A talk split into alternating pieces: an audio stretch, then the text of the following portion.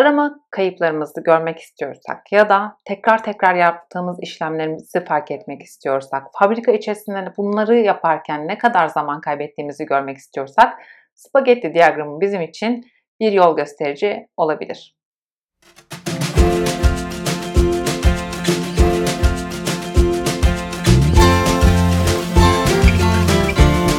Bu videoda spagetti diyagramını neden kullandığımızdan bahsedeceğiz.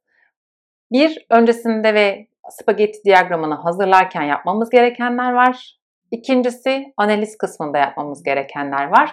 Bunların neler olduğuna kısaca göz gezdireceğiz. Öncelikle spagetti diyagramını hazırlamadan önce yapmamız gereken neler var? Birincisi bir çıktı alıyoruz. Layout'un, yerleşimin çıktısını alıyoruz ve renkli kalemler alıyoruz elimize. Özellikle birden fazla operatör ve malzemenin akışını inceleyeceksek olabildiğince farklı renkte kalemler kullanarak bunları sıralayacağız. 1, 2, 3 gibi numaralar da verebiliriz yaptığımız çizimlere ama renkli kalemler bizim için çok daha kolay ve ayırt edici olacaktır. İkincisi sahaya gittiğimizde çalışanın, operatörün normal rutin çalışmasında olduğundan emin olmamız lazım. Bunun için de spagetti diyagramını çizmeye başlamadan belki bir yarım saat artık oradaki çevrim süresine de bakarak karar verecek şekilde bir kısa gözlem yapıp o gözlemden sonra rutin çalışmanın devam ettiğinden emin olup bu şekilde ilerlemek lazım. Hem çalışana hem yöneticisine bilgi vermemiz gerekiyor. Belki bizim fark etmediğimiz o gün olağan dışı olan bir iş var ve biz bunun gözlemini yapmak istemeyiz.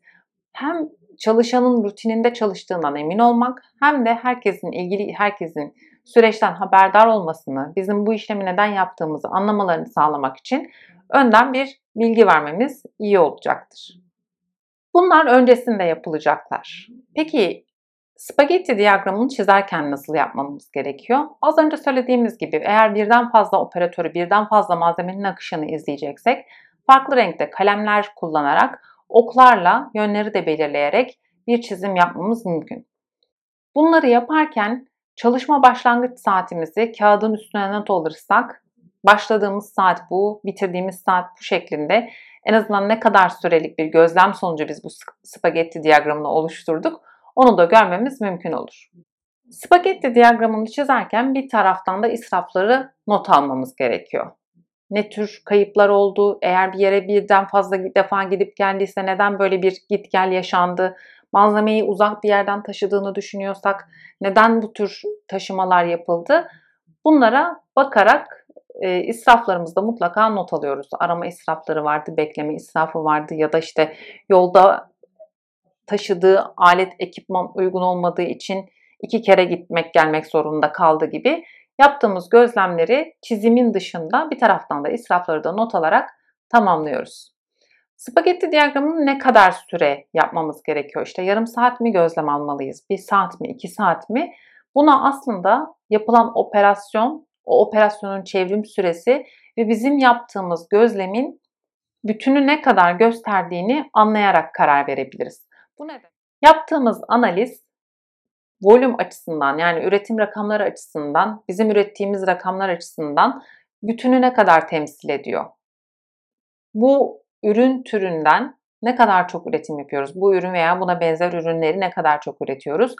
Aslında benim üretimimin %80'i başka bir ürünken ben %10'unu oluşturan küçük bir gruptan bir gözlem aldıysam, onlardan yola çıkarak analizlerimi yapacaksam ve iyileştirmeleri yapacaksam aslında bu benim için küçük bir noktayı iyileştirmek ya da değiştirmek olacak. İkincisi de belki ona göre değiştirdiğim, yaptığım analizler sonucu iyileştirdiğim noktalar o büyük parçayı bozacak şekilde olacak. Bu nedenle spagetti diyagramını ne kadar süreyle, hangi aşamada ne kadar almamız gerekiyor? Bunu operasyon ve e, firma alan içerisinde gerekli olduğuna, ne kadar gerekli olduğuna karar vermek gerekiyor. Dolayısıyla spagetti diyagramını alacağımız gözlemlerin hangi alanda olduğu, hangi fabrikada, hangi prosesle ilgili olduğuna bağlı olarak karar vermemiz gerekiyor. Standart bir işte bir saat, yarım saat ya da üç saat gözlem almamız gerekiyor gibi bir tanımlamamız yok. Peki bu öncesinde ve sırasında kısımlarını hallettik. Analizleri nasıl yapacağız? Analizleri Layout üzerine mesafeleri alarak ve yürüdükleri zaman ile çarparak yürüdüğü mesafenin kaba tahminini kolayca yapabiliriz. Ya da çalışmanın başında çalışana bir adım sayar verirsek, adımlarını sonunda da alırsak kaç adım attığını, ne kadarlık bir adıma denk geldiğini o çizdiğimiz çizgilerin bunu görmemiz mümkün olur. İyileştirme kısmında neler yapıyoruz? Parçaları, malzemeleri olabildiğince çalışana yakın yerlere ve uygun ergonomide yerleştirmeye çalışıyoruz. Hem eğilip kalkması ya da işte uzanması gerekmesin hem de tekrar tekrar bir parçayı ya da malzemeyi aramak, bulmak zorunda ya da almak zorunda kalmasın. İşlem sırasına bakarak makineleri birbirlerine yaklaştırmaya çalışıyoruz. E, doğal olarak diyorsunuz tabii söylendiğinde şöyle bir durum olabilir. Biz A makinesinde üretim yapıyoruz. O A makinesinde ürettiğimiz ürünlerin belki işte %20'sini, %30'unu başka bir e, makineye gönderip orada işlenmesini sağlıyoruz. Oradan bitmiş ürünler çıkıyor. Geri kalan %70'lik kısma baktığımızda da onları direkt müşteriye gönderdiğimizi varsayalım. Böyle bir durumda beklenti ne olur?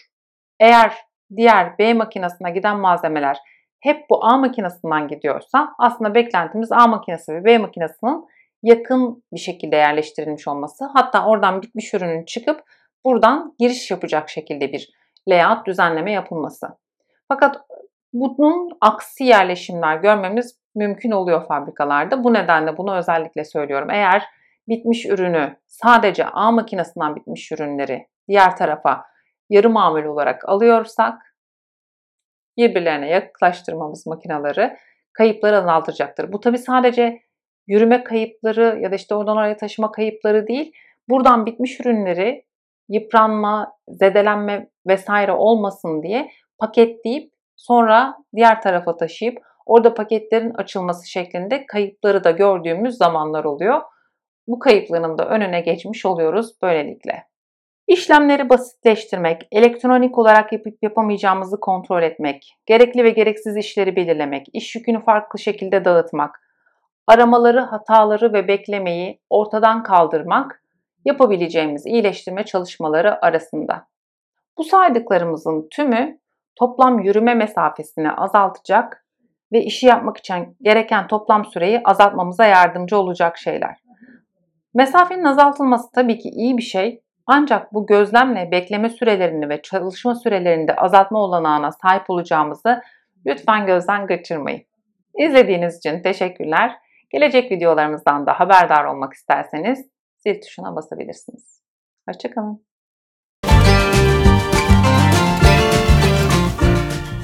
Ya da işin başında çalışana bir adam adam sayar. Verirsek adam saysın